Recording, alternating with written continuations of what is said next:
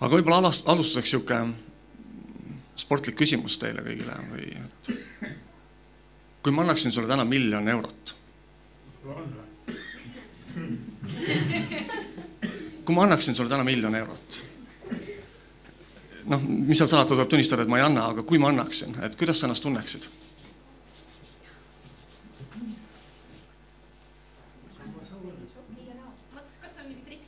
Jüri tunneks samasugune, Regina tundes mind, küsib, kas seal on mingi trikk taga. Valid question, väärt, väärt küsimus. aga mõtle selle peale, et kui ma annaksin, okei okay,, võib-olla mina ei annaks, et, et aga kui Janek annaks või keegi veel autorit-, autoriteetsem annaks, siis veel rohkem kahtleks. okei okay, äh, või veel, veel rohkem, et aga kui ma annaks kümme miljonit, et kui hästi sa ennast tunneksid? Jüri ütleks, ütles, et tema, kõik oleks sama kui ma, kui sa nagu ausalt mõtled, kas tegelikult kõik oleks sama? mida sa plaaniksid? mis sellega teha või? tarkust. ja Jüri? pastor, mitte kõik, mitte jääks kõik sama, aga mina tunnen ennast samas. samasugune Jüri, Jüri, mis ma praegu olen, samasugune ma, edasi jään, aga saan kasutada ka seda. ja see on äh, ma arvan, et see on väga hea usk ja lootus, et me tegelikult ise ei muutu, sest et see raha meid ei muuda. Eestis oli kunagi üks näide on ristumine peateega ja seal oli ka just oli mingi suurest miljoni võitmisest ja see oli nimelt võit, võitis miljoni, kaotas mõistuse. ja, ja selle kohta on hästi palju uuringuid ka lotovõitjate kohta, et äh, jällegi hästi umbes statistika, aga aga suur osa, enamus nendest, suur osa, enamus kõlab üldse või? ühesõnaga suur, enamus koma suur osa või kuidas iganes siis on õige öelda. Nendest, kes on tegelikult äh, nagu äh, liht, ütleme nii, et rahata olekust, tavalised inimesed, kes on võitnud äh, suuri summasid, et märkimisväärne osa nendest, ehk siis suur enamus nendest on nagu tegelikult kaotanud palju rohkem. ja nad on mingi aja tagant jõudnud samasse olukorda tagasi. aga ma julgen arvata, et kui sina täna saaksid miljon eurot või kümme miljonit eurot, siis sa tegelikult noh, väga raske oleks kui Fredi, sa saaksid, ma annaksin sulle kümme miljonit, kas su tuju oleks kerge muuta? autoga sõidad ja keegi sõidab sulle ette, kas see muudaks su tuju kohe? no ikka see muudavad. ikkagi, kui isegi kui sa tead just, et ma tegelikult sain just praegu kümme miljonit, tühja sellest, las see auto keeras mulle ette. tühja sellest, las ta astus mulle arve peale. mind ei kõiguta tegelikult miski. mul oleks veel üks asi, mille pärast tänulik olla lihtsalt oh,. sinna me jõuame ka täna kindlasti. ja see oli ka üks asi, mis mul just nendest ülistuslauludest täna hästi palju kõnetes ja puudutas, et just see tänulikkus. aga sinna me jõuame ka aga kui sa nüüd saaksid selle kümme miljoni, aga seal tõesti Regina ütles ära, et see on üks nagu catch või konks, et aga sa homme ei ärkaks üles. kas sa siis tahaksid seda kümmet miljonit? tõenäoliselt mitte keegi ei tahaks siis enam seda kümmet miljonit. et noh, teisisõnu sellest võib nagu võib-olla poolmeelevaldselt järeldada, et, et äh, sa hindad seda, et sa homme ainuüksi üles ärkad väärtuslikumaks kui sada kümmet miljonit. sest sul on kaks valikut, sa saad kümme miljonit aga sa ei ärka homme üles, sa valid, et sa ärkaksid homme üles ja sa ei saa seda kümmet miljonit. on ju loogiline nagu niisugune meelevaldne võrdlus. et järelikult ma julgen järeldada, et sa hindad oma homset ülesärkamist väärtuslikumat kui seda kümmet miljonit. et tema ei ärkaks hommikul üles. ma annaks kohe Putinile see on võib-olla hea küsimus, aga ei, tuleme tagasi ikkagi selle juurde, selle võrdluse juurde, ma tahan, et sa nagu mõistaksid seda võrdlust äh, ja ma loodan, et ma saan selle nagu täie tõsidusega selles mõttes just edasi anda. et miks me siis ei ärka üles, väärtustades seda hommikust ärkamist rohkem kui seda kümmet miljonit. mõnikord me ärkame hommikuti üles, me nuriseme, viriseme, mul on see halb, see ei toimi, see on jama, see, see minu elus ei ole korras või mu töökohaga või, või mis iganes asjaga mul asjad ei lähe et me nagu võtame kõike oma elus ikkagi väga-väga enesestmõistetavalt. aga kui sa hakkaksid mõtlema, et keegi rumal pakkus sulle kümme miljonit ja ma oleks selle saanud, aga ma ei saanud ainult sellepärast, et ma tahtsin homme üles ärgata. ja kui sa iga hommiku niimoodi ärkaksid üles, et see ülesärkamine on ainuüksi väärtuslikum kui see kümme miljonit, minu jaoks see paneb nagu väga paljud asjad sihukese vaatenurka või perspektiivi. ma ei tea, kuidas sinule, mind vähemalt see niimoodi mõjutab. et äh, ja võib-olla sihuke kindlus ja perspektiiv ja tänulikkus ongi minu kolm tänast märk, märksõna ja sinna tuleb kindlasti hästi palju juurde asju. aga ma, ma tahaks tõesti, et sa nagu, vahet ei ole ju tegelikult, mis summast me räägime, võib sinna panna sada miljonit ka, sa tõenäoliselt tahaksid ikka homme üles ärgata. et seda rohkem sa väärtustad tegelikult seda, mis Jumal on sulle andnud, sinu elu. ja see ei ole nagu ainult see, et see on kingitus, mida ta kindlasti on, aga see on ka tegelikult ju vastutus. et äh, meie kristlastena me teame, et äh, usk on nagu kindel, et nagu kaks pluss kaks võrdub neli ja see on meie jaoks nagu üsna elementaarne.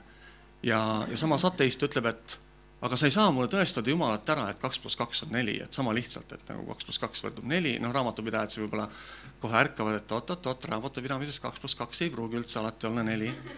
et ja, ja tegelikult on tõsi, kas sa oskad öelda, Regina võib-olla oskab või mõni teine kindlasti ka, et mis tingimustel ei ole kaks pluss kaks neli?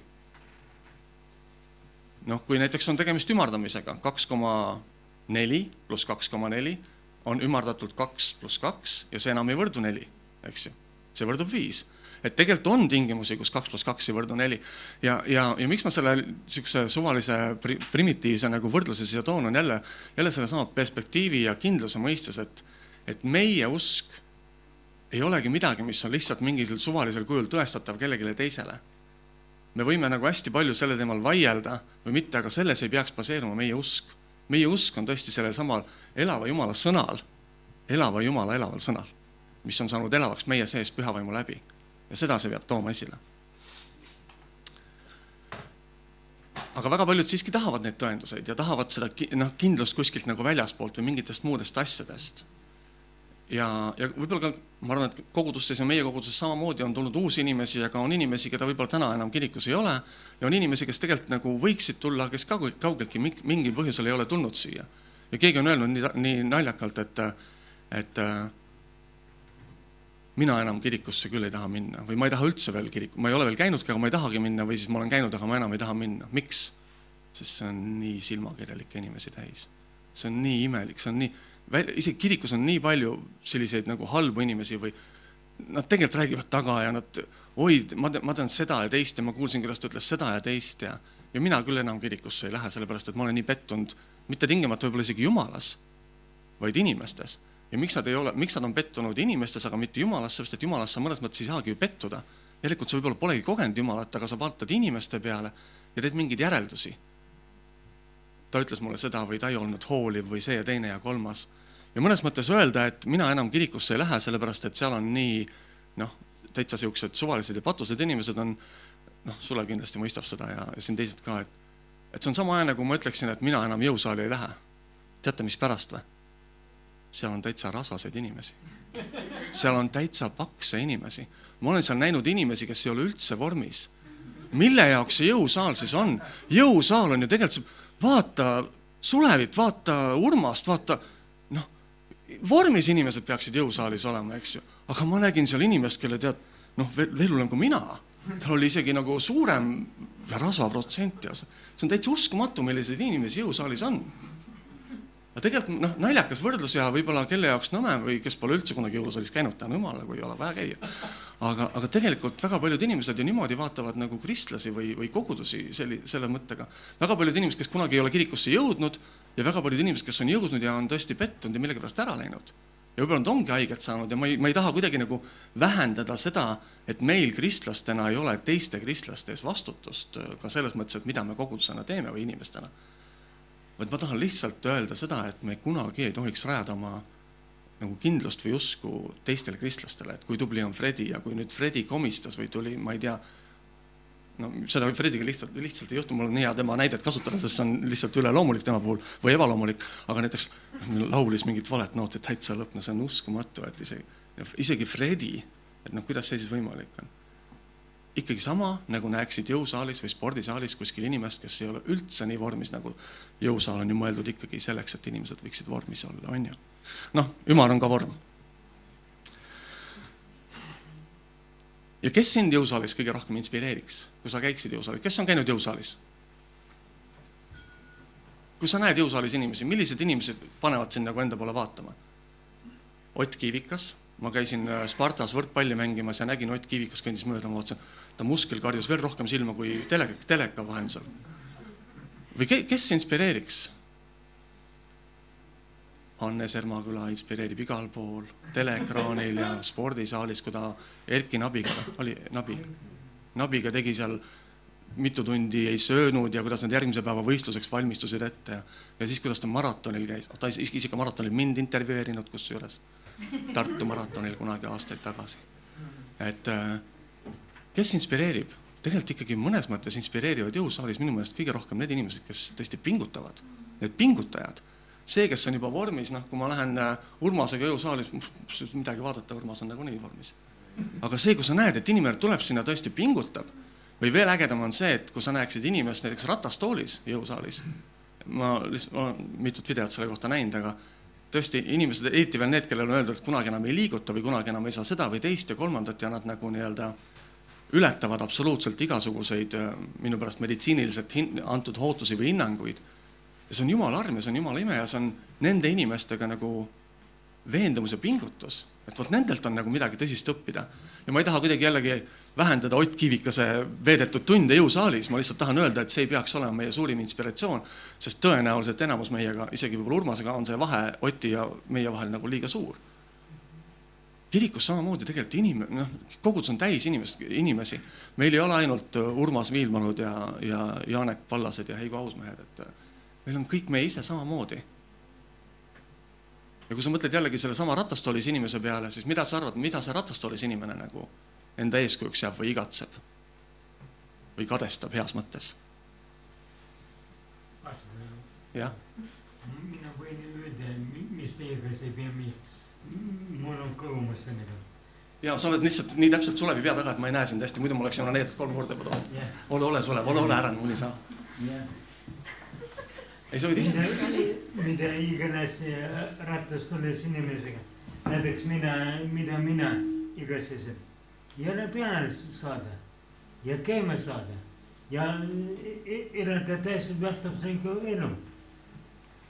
ma, ma usun, et seda ratast oli inimese, kõik võivad unistada seda. ma arvan, et sa ütlesid täpselt seda, mida ma mõtlengi, et tõenäoliselt ratastoolis inimene ei unista Lamborghinist või Ott Kiivikase kehast tõenäoliselt tema unistab, et ta saaks kõndida, ta saaks joosta. millest unistab jooksja? ma arvan, et ta ei unista ka võib-olla kohe Lamborghinist. ma arvan, et ta, et tal lubataks kõndida. okei okay., no ma panen siin juhul kõndija ja jooksja ühte kasti ja ütlen, millest nemad unistavad. ma arvan, et nemad võiksid unistada jalgrattast. võta siin meie noh, jällegi me oleme sündinud Euroopas, see tähendab seda, et me oleme juba maailma viie protsendi kõige paremini elavate inimeste seas sündinud ja nii edasi. et noh, kui sa võtad Aafrikas, siis see inimene, kes suudab joosta päevas kaksteist kilti ja keda sa võib-olla ühtpidi kadestad, tema võib-olla tõesti unistab hoopis, et ta, et ta oleks jalgratas või talvel, et ta saaks suusatada või ehk siis need unistused ja noh, meile kuidagi tunduvad mingid seesama kümme miljonit. meil on palju lähemaid asju, mida unistada, et ja see, kes sõidab jalgrattaga, millest tema unistab vaatab seda mootorratast, kes tast mööda kihutas maanteel, oo tahaks mootorratast. ja see mootorrattur, tema vaatab, oo vot nüüd läks Lamborghini mööda, tema juba vaatab selle Lamborghini poole, eks, võib-olla ma ei tea, või BMW poole. ja siis, ja siis see, kes sõidab selle Lamborghiniga, vaatab, et kopter lendab ja mis on Kross, Krossi omanik, ongi Oleg Kross maandub sinna või Sõnajalg maandub sinna. aa, vot ma tahaks ka seda helikopterit, et, et noh, mu point on põhimõtteliselt just see, et meie Jumalaga teeme omad sammud ja liigume Jumalaga omas tempos, omas sammus. ja kui me vaatame ka kristlasi enda ümber, kes on meile positiivseks eeskujuks ja negatiivseks eeskujuks, siis see on hea vaadata ja see on inspiratsiooniks väga tihti ja peabki olema. aga see, kes on meie eeskujuks, on tegelikult Jumal, on Jeesus oma püha võimu tööga meie sees. et äh, meil kõigil on omad võitlused ja ma võib-olla räägin nendest võitlustest ka, aga minu ema praegu võitleb või noh, mis ta nüüd võitleb, ikka võitleb jah, ühesõnaga tal avastati pahaloomuline kasvajas, opereeriti välja, ta saab praegu keemiat, ta on enam-vähem samasuguse soenguga nagu mina. ja, ja see ei ole nagu üldse kerge, et ta on nüüd kolm satsi ära saanud seda keemiat ja, ja no näha, et kuidas see teda tegelikult mõjutab ja ja ma võib-olla kunagi mainisin ka seda siin, aga tegelikult on väga värskendav käia vahest haiglas eriti kui sa oled terve muidugi, on väga värskendav käia ja vaadata, mis seal tegelikult toimub, mis inimesed seal on. ühest küljest muidugi loomulikult tänulikkus ja, ja, ja tõesti sügav respekt nende inimeste suhtes, kes seal töötavad. aga teisest küljest just selles, et millised inimesed seal on, mida nad vajavad. see on nagu väga sihuke ka julgustav, eestpalvet üles kutsuv või õhutav, aga teisest küljest just see tänulikkust tekitav. ja tänulikkus ongi võib-olla järgmine asi, millest ma natukene peatuksin, et millises olukorras mina täna olen, vaadates selle jõusaali peale või kus iganes, või selle, mõeldes sellesama hommikusele ärkamisele kümne mil-, vabandust, kümnele miljonile, eks ju, millest ma loobun selle nimel, et ainult hommikul ärgata, siis tegelikult see ongi ju tohutu põhjus tänulikkuseks. Needsamad ülistuslaulud, mida me täna siin kuulsime ja, ja kus noh, põhisõnum on just seesama, et Jehova Jumal, me oleme sinule tänulikud. et sina oled nii äge meie ees, minu äh,, minu elus. ja, ja noh, jällegi vaadates sotsiaalmeediat ja tekib sihuke paradoks ja mõtled, et vaatad siin, ma ei tea, võtame Janeki konto, Riina konto, kelle iganes konto Facebookis ja vaatad, oi küll, inimesel läheb ikka hästi, kõik on hästi. ja siis mõtled, et ei, kas meil probleeme ei olegi, et, et see võib-olla tuleb ka üllatusena, aga tegelikult meil ju kristlastena on ka väga palju probleeme. isegi Riinal, ma arvan vähemalt. aga me paneme sinna üles asju tavaliselt just sellised, noh, mis ei kajastagi meie probleeme, kuivõrd, mis on inspiratsiooniks teistele. Me vähemalt kõige oma parima tahtmise juures paneme sinna ju asju mis võiksid kellelegi midagi head soovida, mis võiks kellelegi midagi julgustada, oi aitäh sulle. minu tütar Regina.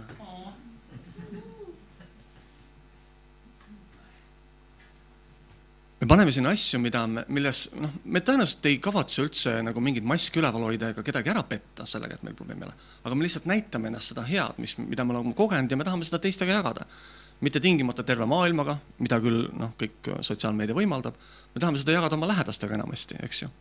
aga meil sellele vaatamata on ju omad võitlused igalühel, meil on omad probleemid, omad äh, raskused ja omad noh, kiusatused loomulikult ka, eks ju.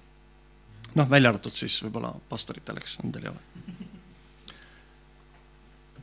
aga see, et kui meil on probleemid, siis me ju anname endale aru, et see tähendab seda, et midagi peaks muutuma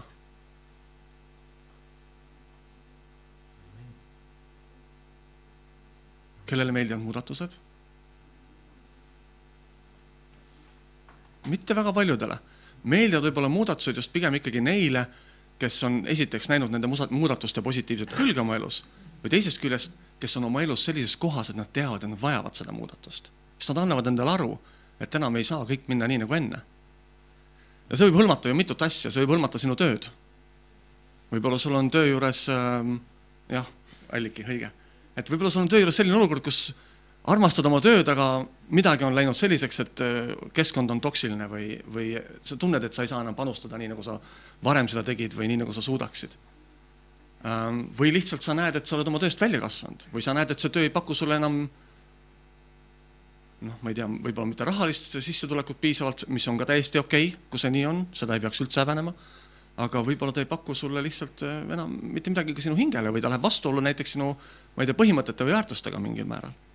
et äh, mul on töö juures olnud ka selline võimalus äh, hakata nagu aastatega tegelema natukene nagu karjääri coaching uga, et, et pakkuda inimestele sellist võimalust, et nad saavad tulla, jagada oma väljakutseid ja ütelda, mida nad nagu kogevad praegu oma töös ja mis, mis, mida teha.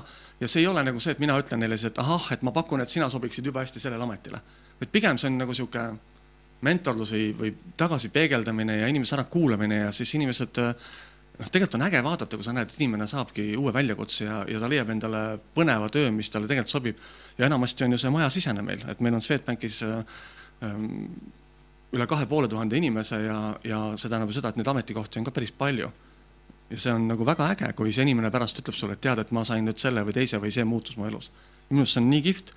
ja, ja kui sa nagu mõtled sellise asja peale, siis ma ei tea, võib-olla Alliki sulle ka äh, väike guugeldamissoovitus, et äh, pane sisse internetti sihuke nagu märksõna või, või lühend nagu grow, inglise keeles kasvama. et äh, noh, G R O kaks siis V ja, ja see on niisugune väga hea harjutus, millega saab teha, panna kirja oma eesmärke Regina võib-olla isegi võib-olla panna sinna, kui tahab, aga ma ei, ei pea. et saad panna kirja oma eesmärke, saad panna sinna kirja, vaadata nagu oma see, mis on sinu reaalsus täna ja sa saad panna sinna võib-olla ka kirja, mis on sinu võimalused siis ja takistused. ja loomulikult ka see, et mis, mida sina oled valmis tegema ja see tulebki nagu nendest äh, tähtede lühenditest, lühendist välja. aga see on väga hea harjutus ja miks ma seda just täna toon ka siin koguduses kirikus meie ees, tegelikult saab seda kasutada mitte üldse ainult tööalaselt, seda saad kasutada ka oma isiklike eesmärkide puhul.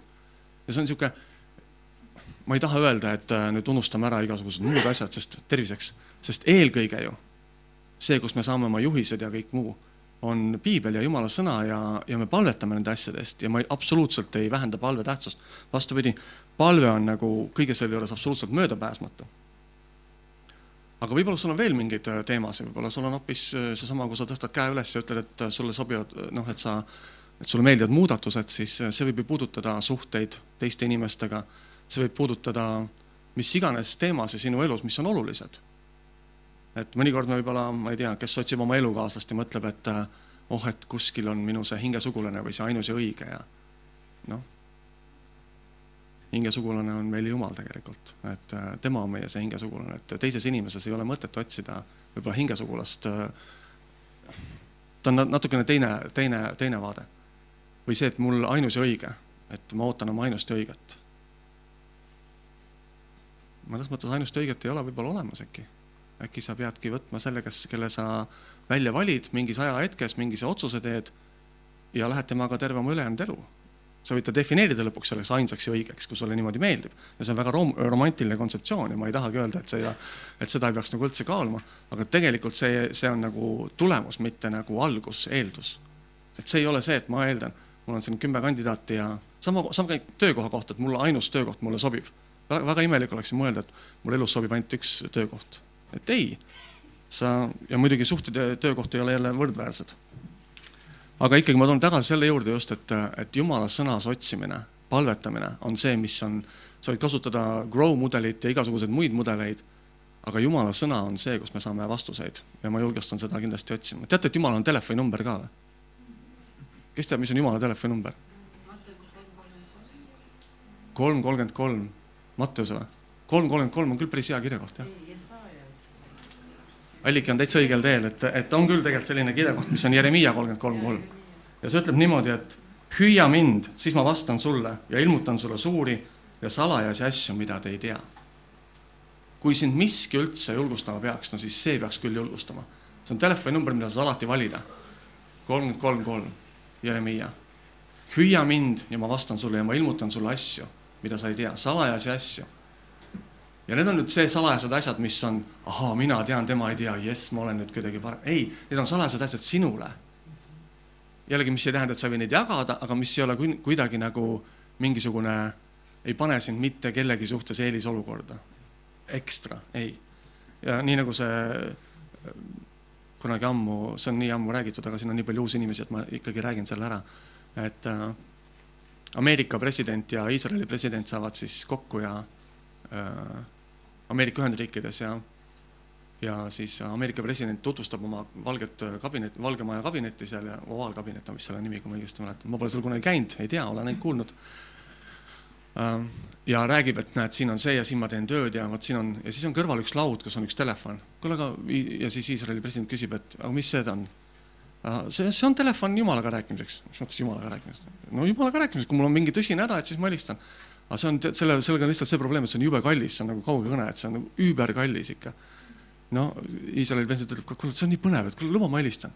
no hea küll, aga tee hästi lühike kõne ja Iisraeli president siis helistab ja räägib jumalaga ja on väga, väga rahul.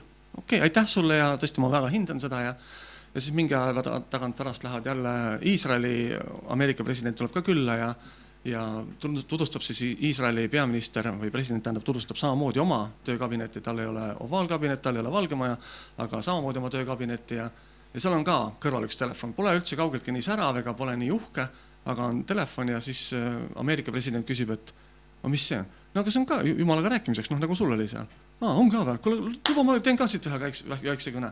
et aga ma saan aru, et see on mingi üüberkallis siin ka või? ei, ei, see on kohalik kõne et minu meelest nagu päris hea, et vot seesama Jeremiia kolmkümmend kolm ka, et meil on, meil on tõesti see telefoninumber, kus me saame Jumalale alati helistada. me saame ja noh, loomulikult neid kirjakohti on palju, mida saab võtta selle otsige mind ja, ja ma olen leitav ja kõik muud asjad. aga see kirjakoht on selles mõttes tõesti hea, et hüüa mind, siis ma vastan sulle. ja, ja ka täna, kui me ülistasime siin Jumalat, et see, see ei ole lihtsalt see, et, et ma aeg-ajalt mõtlen mingi asja peale, aga see on tõesti, et me otsime. Ja mida tähendab nüüd seesama otsimine või hüüa mind, et kas ma pean tõesti kõva häälega hüüdma või kas ma pean mingit nagu higistama või pingutama. ei, see ei ole see, see lihtsalt räägib suhtumisest. ja suhtumine on ka võib-olla üks niisugune märksõna, mida ma täna mõne, mõnes kohas veel kasutan natukene, et see on see, et meie suhtumine on, me otsime Jumalat me tahame tõesti, et tema meiega, et, tema tarkus tuleks meie peale, et tema sõna oleks see, mis, mis meid kannaks. et me võime teha oma elus nii palju otsuseid, me võime nii palju asju läbi kaaluda. Me võime terve interneti läbi lugeda. kas internet on paha või hea? mõni nagu ähm, Ants ja, ja siin mõni veel, et noh, ma saan aru, et see on sõltuvust tekitav, eks, et äh, kas internet on paha või hea, et sul on mõnel nuputelefon juba ainuüksi sellepärast, et ma seal sotsiaalmeedias liiga palju aega ei veeda. ja ma saan sellest täiesti aru, ma täitsa respekteerin seda. mul on endal küll niisugune telefon, mis võimaldab neid äh, internetiavarusi natukene uurida. aga internet ei ole ei halb ega hea. Seal on kõike, seal on nii halba kui, kui nii hal-, nii head ja seal on natuke hea, head ja natukene halba ja seal on kõik, kogu see, kogu see äärmuste, ma ei tea, diapasoon või kõik, kõik seinast seinani, kui seda üldse niimoodi saab öelda, on olemas. aga mida sa sealt võtad? samamoodi kui mõni loeb piiblit ja kui sa lähed seal mingi kirja koha peale, kus ütleb, et jumalat ei ole, lööd piibli kinni, no see ei ole ju okei okay.. sest seal on lause, algab, et õel ütleb, et jumalat ei ole, jumal on ju olemas, see ei tähenda, et jumalat ei ole. ja internetiga samamoodi. aga nüüd, kui me hüüame Jumala poole, siis Jumala sõna ütleb, et tema vastab ja ära saa valesti aru, et ta ei vasta mulle või ta ei vasta kellelegi teisele, vaid ta vastab sulle. ta ütleb, et sina hüüad. et see ei ole nii, et kui ühed hüüavad, siis jumal vastab teistele. vahest see tundub nii, sest et siis tuli keegi siia ette, mina hüüdsin Jumala poole, ma veel vastust ei saanud, aga siis tuli siia keegi teine ütles, et ma rääkisin Jumalaga ja Jumal ütles mulle nii ja sa mõtled, tema lihtsalt rääkis ja talle Jumal ütles, aga mina hüüan, otsin, otsin ja Jumal mulle ei räägi. see võib näida nii, see ei tähenda, et see nii on. sa kunagi ei tea, kui palju keegi teine võitleb, millist hinda tema maksab, millised on tema võitlused aga selle kirjakoha eesmärk on see, et räägi Jumalaga ja tema kuulab sind ja ta vastab sulle. Ja ta vastab sulle tihti selliste olukordadega, mõnikord, mida me ei taha tegelikult. see on päris tore lugu sellest, kuidas üks naine ka sai nagu puudutatud Jumalast ja hüüdis Jumala peale, Jumal, kasuta mind, ma tahan täielikult, võib-olla sa oled kuulnud seda lugu, et Jumal, ma tahan, et sa täielikult kasutaksid mind et ma luban, et ma teen, mida sa mulle ütled. noh, arva ära, kas läks hästi. no algul ei läinud hästi, jumal ütles talle, et näed, seal on see Seven Eleven või noh, meil Eestis neid ei ole, aga ühesõnaga nagu R-kiosk meil põhimõtteliselt ja et mine seisa seal ees käte peal või noh, tee pea peal käte peal seisa. ma ei mäleta, kumb see oli. mis mõttes jumal, et see küll ei saa jumal olla, tundis, tundis uuesti ja ta läks ja siis ka äh, tuleb sealt see, ta läks ja seisis ja tuleb naine nuttes välja, ütleb, et äh, oi, see on küll täitsa võimatu, et see ei ole võimalik. Tema oli sees äh, nutnud ja tahtnud ennast ära tappa ja ütles, jumal, kui sa tõesti oled olemas, siis no mis võiks see kõige absurdsem asi olla, et las tuleb keegi siin maja ees, seisab käte peal. et no jällegi, ma ei ütle, et me saame niimoodi teha, ma ei ütle, et me peame nii tegema, ma, ma lihtsalt tahan julgustada seda, et otsi Jumalat ja ole kuulekas talle. mina ei tea, mis kujul Jumal sulle räägib, ma ei tea, mida ta sulle ütleb vahest ma ei tea, mida ta mullegi ütleb, aga, aga see ei tähenda, et ta selle tee, räägi Jumalaga ja, ja kuula, mis ta sulle ütleb. Jumal ütleb äh, ja ta ei jäta ütlemata. ta ütleb kas oma sõna läbi, ta ütleb, kas, ta ütleb millegi läbi, kuidas sa saad julgustatud. ja see ei pruugi olla kaugeltki kohe, see ei pruugi olla siis nii, nagu sina tahad, aga ta teeb seda. ja meil kristlastena, kui me lugesime seda kirja kohta, siis jah, see on Vana-testamendi kirja koht, see ei ole absoluutselt vana, kuigi ta on Vana Testament see on väga uus. meil Jeesus annab veel lisaks sellele täiendavaid garantiisid, see on nagu see, et aga see pole veel kõik. Lisaks sellele, Jeesus ütleb meile tegelikult midagi. Jeesus ütleb meile minu nimel, palvetage minu nimel, küsige minu nimel. ma arvan, et see ka jällegi, me võtame seda mõnikord nii automaatselt, me võtame seda nii enesestmõistetavalt. aga sellel on nagu väga suur olulisus, miks me palvetame Jeesuse nimel oled sa mõelnud muidu, et miks sa paletad Jeesuse nimel? mis sa arvad, miks, miks Jeesus ütles, et paletage minu nimel? Sest kui mina lähen Jumala ette ja ütlen, et Janek Pallasse nimel ma tahan seda või teist või kolmandat või ma palun seda või teist või kolmandat, selles ei ole meelevalda. ma arvan ka, et selle, noh, mitte et kuidagi Jaanekit nagu, jah, Jüri, sellepärast, et, et Je- Jeesus on i- Jumala poeg. ja Jeesus on Jumala poeg, ta on püha Jumal, tema on see, kes tegi, tegelikult võttis ära selle vaheseina või müüri või lõhe, kuidas iganes me seda kirjutame, mitte kalalõhe, vaid siis selle kuristikulõhe. Tema on see, kes tegelikult te, tagas meile ligipääsu. Et noh, väga palju oleme rääkinud, rääkinud äh, kristlikus kontekstis nagu kodakondsusest, et me otsekui oleme eestlased, aga me oleme tegelikult kristlased ja me oleme nagu siin majalised ja võõrad ja, ja meil on tegelikult taevane kodakondsus ja kui sa mõtled nagu äh, saatkonna või esindaja peale, siis vot kui sa oled näiteks välisriigis ja sul on mingi häda, siis sa lähed sinna saatkonda ja see saatkond aitab sind, sest neil on see meelevald seda riiki esindada seal. ja vot samamoodi Jeesus, temal on see meelevald, tema on, tema on see uks, mille läbi me võime minna ja mille läbi me võime öelda, meie ise oleme patused. meie ise ei saanud nendest äh, Vana-testamendi ohvritest abi, et püsivalt minna Jumala ette, aga Jeesuse nimel me saame seda teha. amen amen. Üks teine kirjakoht, kui ma õigesti mäletan, äkki Liina mõni aeg tagasi luges seda, aga ma tahtsin äh, veel ikkagi seda rõhutada. Johannese viisteist, kuusteist.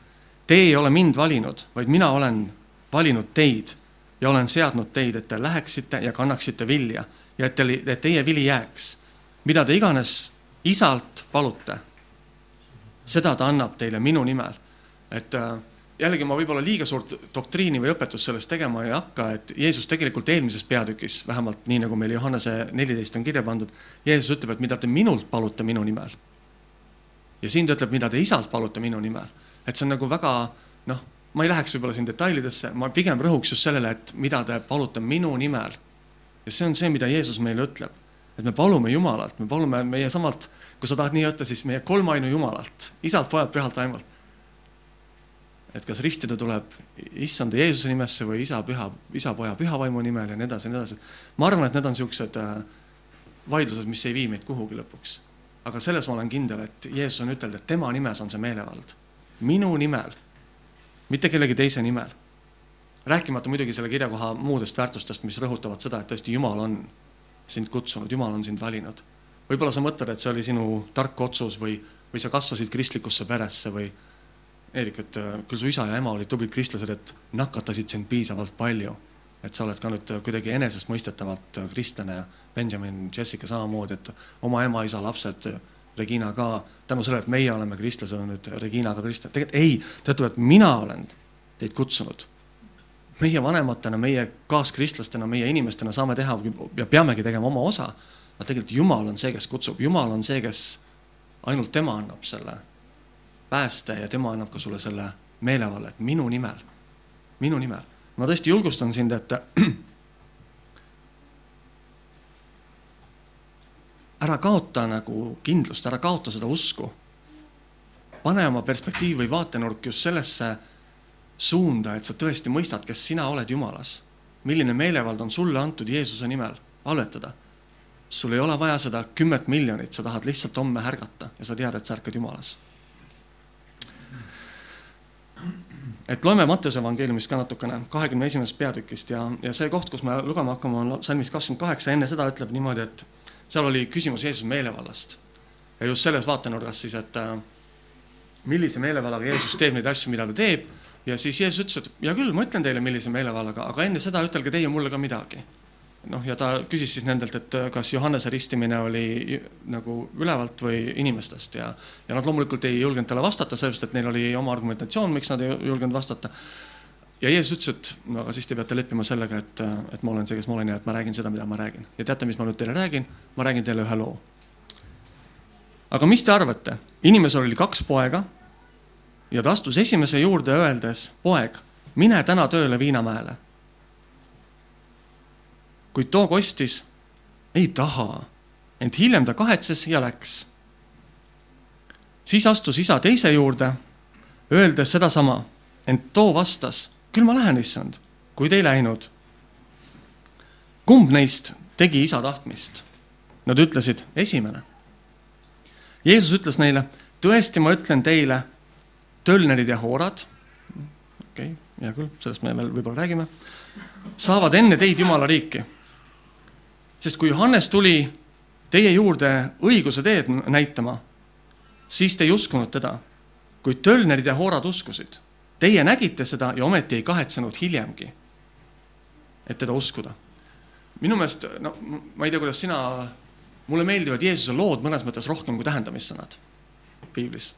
sest noh, lood on ikkagi, kui ma ikkagi loen seda, kuidas Jeesus istus öö, ohvrikirstu kõrval ja vaatas, kuidas naine pani oma, lestnaine pani oma ühe või kaks leptonit, kõige vähem, väiksema rahaühikut suhteliselt sinna. et siis on lugu, siis on konkreetselt asi, mis toimus. mõnes mõttes mulle meeldivad vahest need lood rohkem, aga tähendamissõnad on tegelikult ikkagi nagu väga ägedad äh, selleks, et me mõistaksime mingite asjade nagu loogikat, paralleele, saaksime aru seosetest. sest äh, noh, ma kujutan ette, et äh, piibel ütleb ühes kohas küll, et ja kõiki neid tegusid, mida Jeesus tegi, ei ole kirja pandud, sellepärast et siis oleks nagu terve maailm ei mahutaks neid raamatuid ära aga ma arvan, et äh, selleks, et luua mingites konkreetsetes olukordades väga selgeid seoseid, ehk siis ma viitan just sellesama eelmise olukorrale, kus ta äh, rääkis, äh, kus oli küsimus Jeesuse meelevallast, siis noh, põhjus, miks ta siin just räägib nii-öelda tähendamissõna, mitte mingit konkreetset lugu ei kirjelda meile, on jällegi oluline. ja samas see tähendamissõna, ma ei tea, kuidas sinuga, aga ma pean tunnistama, et mina ei ole väga palju kirikutes kuulnud sellest tähendamissõnast räägitavat, et äh, aga see on mind kuidagi alati nagu puudutanud või mõjutanud, ma ei tea, miks. teistpidi mõteldes juudi kultuurile mulle kuidagi tundub nagu nii imelik, et miks on kaks poega, et et see tundub nagu väga tänapäevalik, et tänapäeval inimestel ega väga palju üle kahe lapse nagu ei olegi, et ongi. Jeesus rääkis selle tähendamissõna variseridele ja kirjandusjatele. ja kindlasti, aga ta räägib seda ka meile täna, see on jumala sõnas meie jaoks kirjas. Täna see, see, see oli konkreetne vastus variseridele ja kirjatundjatele, aga see sõnas, miks ta on siin jumala sõnas täna ta on ka meie jaoks siin. et äh, noh, kui ma ikkagi tulen tagasi selle pereplaneerimise koha pealt, kuidagi ainult kaks poega, kas tal oli siis hästi palju tütreid veel, sel ajal tundus, et tundus, et sel ajal olid pered suuremad, miks tal oli kaks poega ja teine tähendamissõna kahest pojast oli samamoodi kadunud poja tähendamissõna, et miks on ainult kaks poega. et kas meile tütardest ei räägita või, või lihtsalt need ei olnud relevantsed. Aga okei okay,, läheme, jätame selle kõrvale, sest tõesti tähendamissõna valgel ei ole see nagu absoluutselt oluline. point oli selles, et tal oli kaks poega ja ta palus neilt mõlemilt teenet ma loen natukene veel uuesti. poeg, mine täna tööle Viinamäele, kuid too vast- äh,, kostis, ei taha. kes on siin lapsevanemad? on teil mõnikord laps öelnud ei taha? Kairel isegi ükskord natuke ütles, ma vaatasin. minul, Katrin, minule on küll öeldud päris mitu korda, ei taha ega see väga meeldiv ei ole, aga noh, karm reaalsus, ma ei tule siia kurtma, ma olen tänulik oma laste eest, absoluutselt tänulik aga üks ütles ei taha. ma olen mõelnud seda, et huvitav, mida see isa oleks teinud, kui ta oleks ütelnud jah, kas ta oleks läinud ikkagi teise poja juurde, ütelnud talle ka? kas tal oli vaja ühte või tal oli vaja, et mõlemad läheksid, jällegi see lugu jätab meile hästi palju nagu nii-öelda spekuleerimise ja mängimisruumi ja kui see mängimise ruum või harjutamine meile nagu kaasa aitab, siis miks mitte, mind aitab kaasa. aga ta ütles, et ei taha ent hiljem ta kahetses ja läks, ma pean ütlema, et mina noore kristlasena tegelikult tundsin ennast selle pojana. ja vot äh, kadunud pojana ma tingimata ennast ei samastanud, aga kui mina kunagi ammu Oleviste kirikus kuulsin seda tähendamissõna, siis mina tundsin ennast selle esimese pojana, ma tund-, vähemalt ma, ma tahtsin samastuda temaga. ma tahtsin olla see, kes pigem algul ütleb ei, aga pärast teeb ikkagi ära, mis on vaja. ma ei tahtnud ennast samastada selle mehega, kes ütleb ja, ja ma teen, teen ja see on olnud kuidagi minu elu nagu, ma ei ütle filosoofiaga, aga ma arvan, et ikkagi üks asjadest, mida ma nagu olen püüdnud ikka kuidagi, mis on minuga kaasas käinud hästi palju. et ma ei taha olla selline, kes algul ütleb ja, ja ja pärast ei tee. igatahes sellest ma ei plaani tegelikult üldse ütelda, aga, aga mina samastusin ennast jah temaga. tore, tähendamissõna kahest pojast, noh, okei okay,, väga õpetlik lugu, kallid koguduse inimesed olge sellised nagu see esimene poeg, vähemalt mitte sellised nagu teine poeg, kui te üldse nende kahega samastute. ideaalis on see, et sa ütled algul kohe jah ja kohe ka lähed ja teed rohkem, kui sult paluti, eks ju, on ju, Regina? et, äh, et äh, aga see ei ole ju tegelikult ainuke selle tähendamissõna eesmärk, selle tähendamise eesmärk, tähendamissõna eesmärk ju natukene veel Jeesus ikkagi lajatab nii-öelda ja ta ütleb siin. terviseks kumb neist tegi isa tahtmist? Nad ütlesid temale esimene, kuigi ta esimene oli algul nagu põikpäine ja vaidles vastu oma isale. aga ikkagi ta ütleb esimene. Jeesus ütles neile, tõesti, ma ütlen teile, tölnerid ja hoorad, no kes on need tölnerid ja hoorad siis meil tänapäeval, et äh, meil, meie jaoks ei ole sõimusõna, kui sa oled, töötad Maksu- ja Tolliametis. tõenäoliselt ei ole sõimusõna. peaaegu. peaaegu või? okei okay,, väikeettevõte ütleb siin niimoodi, et peaaegu. tõenäoliselt liht, lihtinimesele äh, maksuamet tõenäoliselt ei ole kõige hullem sõimusõna, et muidu tahaks öelda nagu tainapeaga, siis ütled tolliametnik või, või see maksuametnik, et noh, ma arvan, et ei ole. või, või hoorad, eks noh, need on nagu üsna tollel ajal nagu üsna ekstreemsed näited ikkagi või siuksed nagu, kes iganes sa suudad täna seostada, mis võiks olla see ekstreemne näide. võib-olla ma ei tea. mupo. oota, tule nüüd ei ole mupo, mupo on väga korralik, kontrollib pileteid ja nii edasi. aga ma ei taha ühtegi ametit halvustada, ma mõtlen lihtsalt selle ekstreemsuse peale, et äh, mul oli mingi jube hea näide praegu, aga nüüd Urmas laetas selle mupoga mulle, nii et äh, see näide läks sinna. aga mis mi,? pigem nagu sihuke silmakirjalik. Ja, ja, jah. kahepalgelisus, kõik, kõik see ja, ja tegelikult mul tuli meelde küll uh, Urmas No Worries, et, et uh, võib-olla ateist, sel ajal tegelikult ju ateiste põhimõtteliselt olemas nagu eriti ei olnudki, sest kõik teadsid, et Jumal on olemas piibel selle üle nagu üldse ei vaidle, kas Jumal on olemas ja Uus Testament ju ei rõhuta kunagi ka seda, et Jumal on üldse olemas, sest see ei olnud nagu kellegi jaoks eriti küsimuski. küsimus oli, kas Jeesus on Jumal, Jumala poeg, kas ta on kolmainu osa ja, kõiges selles. aga tegelikult, et noh, tänapäeval mõnes mõttes ma kujutaks ette, et Jeesus loeks seda kirja kohta ja ütleks või Jeesus ütleks sama näite, et ateistid tulid ja lõpuks uskusid, eks. aga, ja nüüd ta ütleb, en-, nad saavad enne teid Jumala riiki sest kui Johannes tuli teie juurde õiguse teed näitama, meie jaoks on hästi oluline näha ikkagi ära seda, mida Jumal meie jaoks tahab. ja ma ei hakka ju kedagi täna veenama siin samamoodi Jumal olemas, me kõik teame seda. aga just see, et, et sa otsiksid ja igatseksid seda, mis Jumal tahab sinu jaoks. ja ma ei räägi, et see õiguse tee on igaühe jaoks erinev. ühest küljest jah, aga suures pildis on ta ikkagi üks. Jeesus on tõde, eks meil ei ole nii, et igalühel on oma tõde oh, Eerikul on oma tõde ja Katrin on oma tõde ja Sulevil, noh, temal on see spordisaali tõde ja ei, meil tegelikult on üks sama Jumal, meil on üks tõde, Jeesus on seesama tõde. tema on see, kes on meie elud, elusi muutnud ja kes suudab meie eludes teha imesid. siis te ei uskunud teda ja võib-olla siis te ei uskunud teda, miks ma seda nagu jällegi täna tahaks natuke rõhutada, on see, et kui palju ja kus kohas mina tunnen, et minu elus jääb usust puudu jällegi ma ei ütle, et kui nüüd sulle tundub, et mingi hääl mingi mõte tuleb, et lähen seisan käte peal kuskil, et mis võib, mis võib olla kõige hullem, mis juhtub? kujuta ette, täpselt sama olukord nagu see naine, kellest ma rääkisin. et, äh, et jumal ütleb sulle suvalises kohas, sa ütled, jumal, ma tahan teha mida iganes, sa ütled Fredile, jumal ütleb. mine seisa käte peal seal kaupluse ees. Fredi mõtleb, mis on kõige hullem, Fredi, mis saab juhtuda, kui sa seda teed? murran mu kaela okei okay,, seisa pea peal siis igaks juhuks, ära käte peal siis seisa. Aga mis on veel, ütleme, ütleme nii, et sa suudad, ütleme nii, et sa suudad käte peal seista. mis on kõige hullem, mis juhtub? sa oled teinud seda kehalise kasvatuse tunnis, okei okay,, võib-olla kakskümmend aastat tagasi, aga ikkagi. et äh, mis on kõige hullem, mis võib juhtuda, mis te arvate? mitte keegi? teised naeravad sulle. teised naeravad sulle, jään häbisse või, teised naeravad sulle. no mis siis? tegelikult on ju äge, keegi tuli ja seisis käte peal, päris naljakas. kas ma naeran su üle või ma naeran seda, mis sa tegid? Ma pigem mõtleks, et väga lahe, keegi suudab teha mingit sellist asja. mis on veel kõige hullem, mis saab veel juhtuda? tegelikult mitte midagi. noh, kui tõesti sõna otseses mõtelda, sõna otseses mõttes mõtelda, mis võiks juhtuda kõige hullem, on jah, see kaela murdmine, aga ütleme nii, et sa oled selleks võimeline. sest ma pakun, et, et kui sa oled kahesaja kilone, mida loodetavasti meist keegi ei ole, siis jumal tõenäoliselt ei ütle sulle, et mine seisa käte peal või mine tee hundiratast või ma arvan, et, et noh, jällegi nali naljaks, aga on asju, mida Jumal meile ütleb, väga isiklikud asjad võib-olla. ja mida me teame ja mida me hoiamegi endale, aga võib-olla on asju, mida me võime teha tõesti täiesti siiras vabaduses, mis on Jumal meile öelnud. on see siis kellegi käte peal seismine või lihtsalt minemine kellegi juurde öelda, kuidas sul läheb. Fredi nii toredalt tuli meil, tegi kolm ringi käte surumist, enne kui hakkas teenistus pihta ikkagi.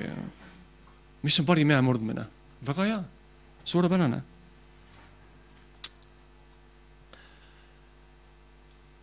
kui ma küsisin enne, et äh, kes, kellele meeldivad muudatused, siis, äh, siis muudatustega on selles mõttes natukene nagu triki või keeruline, et äh, põhimõtteliselt on nagu kaks, kaks varianti.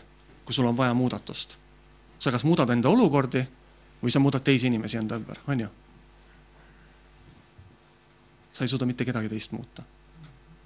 sa kas muudad olukordi või sa muudad oma suhtumist. Sa kas muudad seda enda olukorda, kus sa oled, või sa muudad enda suhtumist, millise suhtumisega sa seal olukorras oled. ja, ja jällegi see suhtumine on nagu, nagu ma korraks enne ka mainisin, hästi oluline just selles mõttes, et mitte keegi teine ei näe sinu südamesse, mitte keegi teine ei tea tegelikult, millest sa läbi lähed. aga see, kuidas sina suhtud mingisse asjasse, määratleb selle tegelikult, ta sõna otseses mõttes ta määratleb sinu reaalsuse. sinu reaalsust ei määratle mitte mingi väline asi, sinu aju ei tea, mis on reaalne. sina ütled oma ajule, mis on reaalne. see ei ole mitte mingi, ma ei tea, hull, hull, ulmepsühholoogia, see on väga lihtne loogika. sinu aju ju ei tea, kas sul on külm või soe, sina ütled mul on külm, mul on palav ja nii edasi ja nii edasi, ma olen rõõmus, ma olen kurb. see on sinu suhtumine. ja kui sa, kui sa ei saa olukorda muuta, on see siis tööalane või mingi muu, siis saad muuta oma suhtumist. saad võtta sellesama suhtumise, mis Jeesus ütles Philippi teises peatükis näiteks on väga hästi kirjeldatud seda.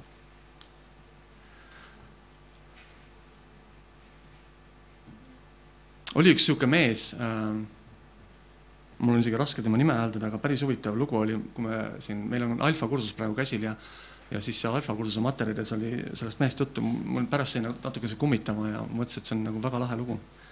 et äh, Gravele, keegi, keda hüüti blondiiniks kahekümnenda sajandi kuskil seal keskel ja ja tema oli köiel tantsija või mitte tantsija, köiel kõndija. et äh, võib-olla olete mõnikord, mõnikord kuskil näinud neid äh, köiekõndi videosi või, või lugusid või tsirkuses käinud, siis te teate.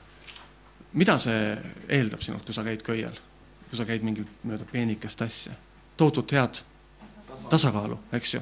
meie kristlik elu eeldab meilt ka tohutut tasakaalu, ma ei ütle, et kõik peavad olema nüüd köiel kõndijad, aga see on lihtsalt niisugune jällegi eeskuju või, või näide, hea näide, ma ütleks pigem nii. ja, ja tema tegi sellise triki, et ta käis Niagara kose peal. Te võib-olla olete näinud kunagi ajaloos selliseid pilte. Ja see Niagara kosk ja see köis, mille pidi ta käis, siis oli kolmsada nelikümmend meetrit pikk umbes. ta oli kuskil kaheksa sentimeetrit, natukene pluss-miinus äh, Äh, nagu läbimõõdult ja ta oli neljakümne üheksa meetri kõrgusel. et äh, kes tast on jooksnud kunagi, ma ei tea, viitekümmet, kuutekümmet, sadat meetrit? siis ma arvan, et enamus on. ma arvan, et te teate, et niipidi see distants ei ole mitte midagi, eks ju. see on suhteliselt köki-möki. samamoodi nagu kaks meetrit niipidi on suhteliselt köki-möki, aga pane ta niipidi, hoopis teine asi, teine vaade. et noh, jällegi siit võib leida ka omakorda mitu metafoori, aga lihtsalt äh, nagu võrdluseks kõrvale, et äh, et kui see Niagara kosk, mille kohalt nemad, tema läbi käis, siis oli kuskil seal nelikümmend üheksa meetrit, noh, hästi ümardatult viiskümmend meetrit, siis, äh, siis mis te arvate, kui kõrge on Pikk Hermann Tallinnas? umbes sinna lipuni. ka viiskümmend meetrit. noh, tegelikult sama kõrgus, viiskümmend meetrit. Mis sa enne arvasid, mis ta võiks olla? enne kui ma ütlesin, mis sa arvasid, mis ta võiks olla? sada, nelikümmend? kes arvas rohkem, kes vähem, eks kes kuidas mõtleb.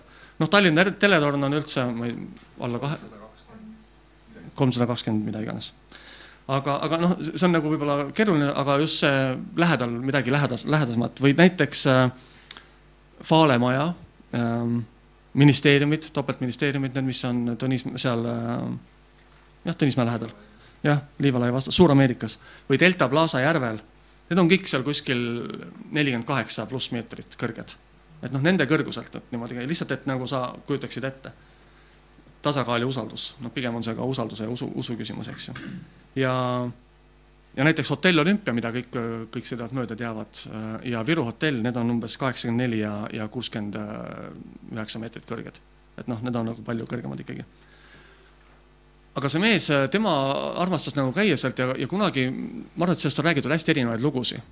ja see, et sina ise teed midagi nagu sellist suurepärast ja ägedat, et see on nagu üks asi, aga see, et keegi teine usaldab. ja siis ta küsis, et kes tahab tulla minuga. siin on natuke erinevaid versioone sellest loost, et tul-, kes tuleb mulle sülle ja ma kannan sind üle, et noh. ja siis seal olid mingid rikkurid kõrval vaatamas ja siis hüüdsid, et jaa, muidugi usume, et sa suudad kanda kellegi üle. no tule, ma kannan. ei, mina küll ei tule aga arvake ära, kes läks? kuidas? ja see, vot siin on nüüd natukene Vikipeedia ja Alfa raamat räägivad natuke erinevat versiooni, et Vikipeedia ütleb, et tegelikult tema mänedžer läks. alfa, alfakursusel me loeme jah, et tõesti, et tema ema. et ühesõnaga, aga point on see, et keegi, kes pidi temasse väga-väga palju uskuma, julges minna.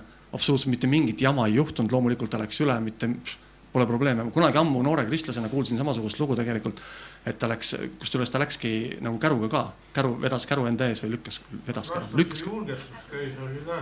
Ei olnud. praegu vaatan, see on tuhat kaheksasada ta elas, et. Üheksateist sajandi, jah.. natuke teine ja, ja jah, aga see köis, noh, sel ajal juba ehitus oli noh, tõesti sihuke kaheksa sent- läbi, läbi, tross oli. et no ikkagi mu point on just selles usalduses, et äh, meie ei pane oma usku mitte kellegisse teisesse, vaid Jumalasse, elavasse Jumalasse. see on see, kus meie usk peab olema. Ja, ja kõik väline võib olla meile väga julgustav, kõik väline võib olla meile inspireeriv, kõik väline võib olla meile väga palju kasulikku ja, ja motiveeriv ja aidata. Temal läks nii hästi, oh ma teen ka, see kõik, aga meie usk peab olema Jumalasse, eks. ja loomulikult need teised kogemused on need, mis meid äh, tõesti võib-olla tõukavad lähemale kindlasti ka võiksid tõugata lähemale Jumalale, aga Jumala vaim, Jumala arm, Jumala headus on see, mis, mis on meie jaoks nagu need olulised, nii. et viimane kirjakoht, Galaatia kiri. Ja viies peatükk. Ja seal räägib vaimuviljast et nüüd ma hüppan kohe nagu siukse natukene minu jaoks hästi nagu seoses, seoselisse kohta, ma loodan, et te näete ka seda seost. aga, aga siin ütleb niimoodi siis. vaimuvili on armastus, rõõm, rahu, pikk meel, noh ehk siis kannatlikkus, lahkus, headus, ustavus, tasadus ja enesevalitsus. et kui me mõtleme nüüd sellesama kümne miljoni hommikul ärkamise meie murede, meie probleemide, meie väljakutsete tänulikkuse ja usu peale, siis minu meelest siin on väga olulised märksõnad meile nagu, mis teisest pidi samamoodi tasakaalustavad just. ta ütleb, et see on rõõm, vabandust, armastus, rõõm, rahu, noh, nendest räägitakse ju hästi palju. Nendest me kõik teame, loomulikult vaimuvili on armastus, rõõm, rahu, mis seal ikka. aga siis tuleb mingid nagu siuksed natukene ebapopulaarsemad, ebapopulaarsemad, pikk meel no jaa, aga teistel peabki olema pikka meelt, aga minul on kõik hästi, eks ju. või lahkus. Need on nagu hästi konkreetsed juba siuksed ähm,, mitte et esimesed ei oleks konkreetsed, aga need on siuksed asjad, mis nagu ikkagi natuke rohkem kui lihtsalt lilleõiekene, natuke rohkem kui lihtsalt naeratus. headus, ustavus, tasadus ja enesevalitsus. ja võib-olla sama enesevalitsus, pikk meel, ustavus ja võib-olla ka siis tasadus on need asjad, mis ma ei tea, kas me räägime nendest piisavalt. võib-olla me peaksime nende peale natuke rohkem mõtlema. et ikkagi, kui sa mõtled vaimuvilja peale, kui sa mõtled selle peale, et see või teist, ma ütlen siis niipidi pigem. positiivne või kõige positiivsem selle asja juures on see, et see ei ole sinust, see ei pea olema sinust. see on vaimuvili ja see on see, mida Jumala vaim sinu sees esile toob. see ei ole sinu äh, see ei ole sinu võitlus, ma ei tea, kas on hea öelda, see ei ole sinu, see ei ole sinu genereerida, see ei ole sinu nagu luua, see on Jumala loodud sinu sisse, tema püha vaimu läbi. Ja see on see, mida sa saad tegelikult kasutada igal päeval oma elus. on see siis hommikul üles ärgates ja mõeldes selle kümne miljoni peale, mida sa pead täiesti saviks võrreldes sellega, et saad üles ärgata. või mis iganes probleemidest sa läbi lähed, on see siis suhetes või tööalaselt või mis iganes valdkonnas siis need on need asjad tegelikult, mida Jumal sinu elus esile kutsub. nii nagu see kirjakoht, mis ma enne lugesin, et Johannese viisteist ütles, et, et te kannaksite vilja. see kõik on selle vilja osa. aga kui keegi sind provotseerib ja närvi ajab, kas sa siis ka valitsed ennast? ei, aga siis piibel ütleb, et siis ma ei peagi valitsema, siis ma annan kohe vastupidi. ei, loomulikult ma, ma arvan, et ainult siis sa saadki valitseda ennast. ega kui sina, kui sina ütled, et Jumal annab mulle armastust, ega Jumal ei vala sulle armastust, Jumal nagu, Jumal loob sind, Jumal paneb sind olukordadesse, kus see armastus saab kasvada sinu sees. kui mina ütlen, et ma tahan endale tugevaid muskleid, siis Jumal ei anna mulle tugevaid muskleid, Jumal ütleb mulle, et liivalaia seal on jõusaal, palun. Kui sina ütled, et Jumal, anna mulle kannatlikkust, siis Jumal ei loo sinu elus olukordi, kus sul ei ole vaja kannatust praktiseerida, kannatlikkust praktiseerida, vaid ta loob sinu elus olukordi, kus sa hakkad praktiseerima kannatlikkust. ja ma arvan, et see on samm-sammu haaval, ma arvan ka, et ta ei pane sind üle pea vette kohe, vaid ma arvan, et ta nagu loobki sinu jumala, jumalaga palvet-, jumala poole palvetamisel ongi see ohtlik asi, et, et ta kuuleb. See on päris ohtlik tegelikult ja ta võibki vastata, me naeratame, naljatame selle üle ja loomulikult ka minul on asju, mille suhtes ma ütlen, et ta pole mind siiamaani kuulnud, eks. aga võib-olla ta on mind kuulnud hoopis teistmoodi, kui ma olen oodanud. mina olen küll palvetanud, et Jumal anna mulle kannatlikkust, mu lapsed on selles mind väga hästi esile kutsunud. igas olukorras tuleb see kirjakoht meelde näiteks või need kirjakohad, kuidas käituda. tõenäoliselt ei tule ja tõenäoliselt ei peagi tulema, sellest me aeg-ajalt ikka räägime sellest. see on, see on täiesti loomulik, et ei tule.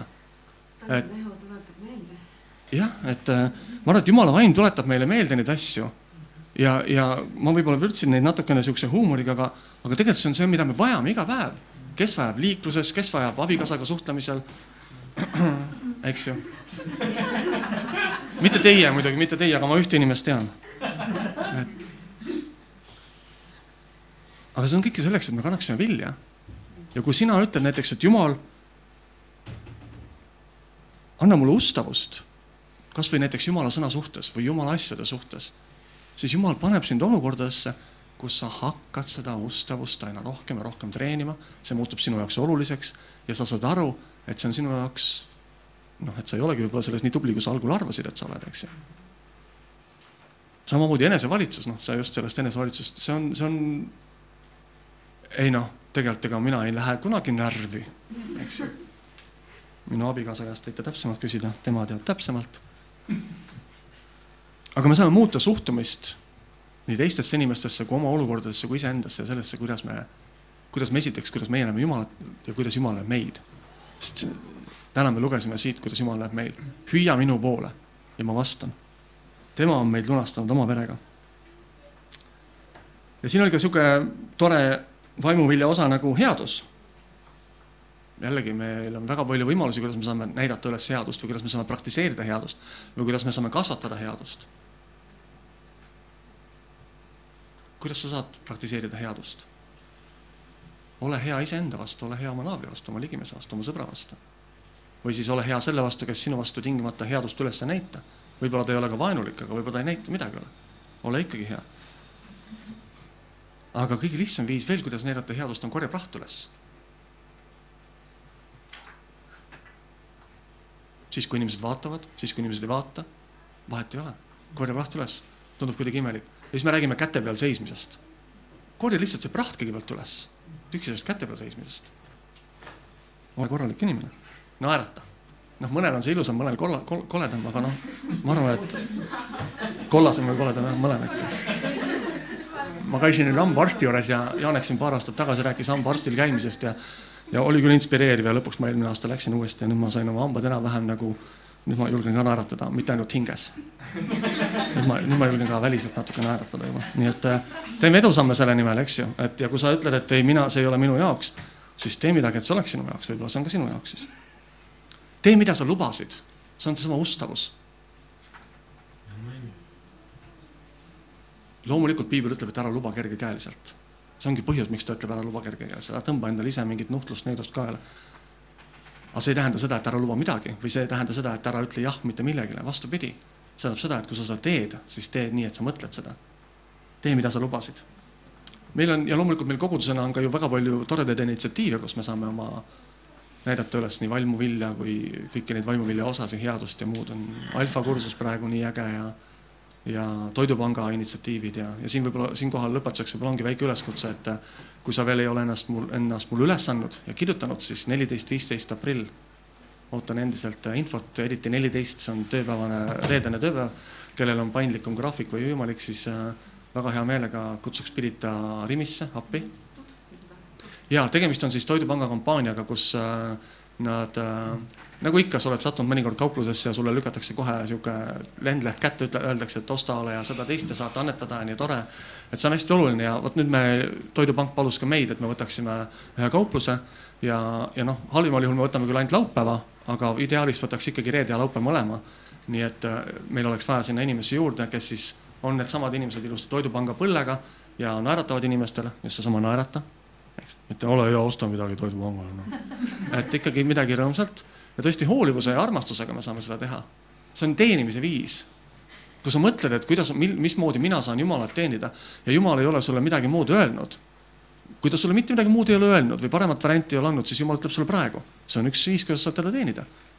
kirjuta mulle ja paneme kirja, et, ja siis äh, me saame koguda seda toitu, meil on vaja sorteerijaid, kes on tagaruumis, võib-olla sa oled, sa tahad aidata, aga sa oled inimene, kes sa kindlasti tead, et mina küll ei ole see inimene, kes hakkab teisele nagu lendlehte kätte andma ja ütlema, et ole hea, osta. Sa ei peagi olema see inimene. meil on vaja neid, kes sorteerivad kaupa, meil on neid, kes võtavad kaupa vastu. et seal on erinevad ja kõik ei pea olema sellised, kes tahaksid olla kuskil ees. ei pea üldse. Viivika tuleb oma ilusa naeratusega ja teeb selle töö ise ära. näiteks, on ju et äh, julgustan. Äh, ja loomulikult me käime ka iga esmaspäev Toidupangas äh, appi nagunii, nii et ka seal on alati võimalik, kes tahab tulla vabatahtlikuks. aga need on need asjad, mis ma täna tahtsin jagada, ma läksin küll niimoodi praktilisemate asjade peale, aga iga hommiku sa võid tõusta üles ja tänada Jumalat. kümme miljonit tühitöö, ma olen praegu hoopis siin, sellepärast et Jumal on andnud mulle selle elu ja ma tahan teenida teda ja armastada teda. aitäh.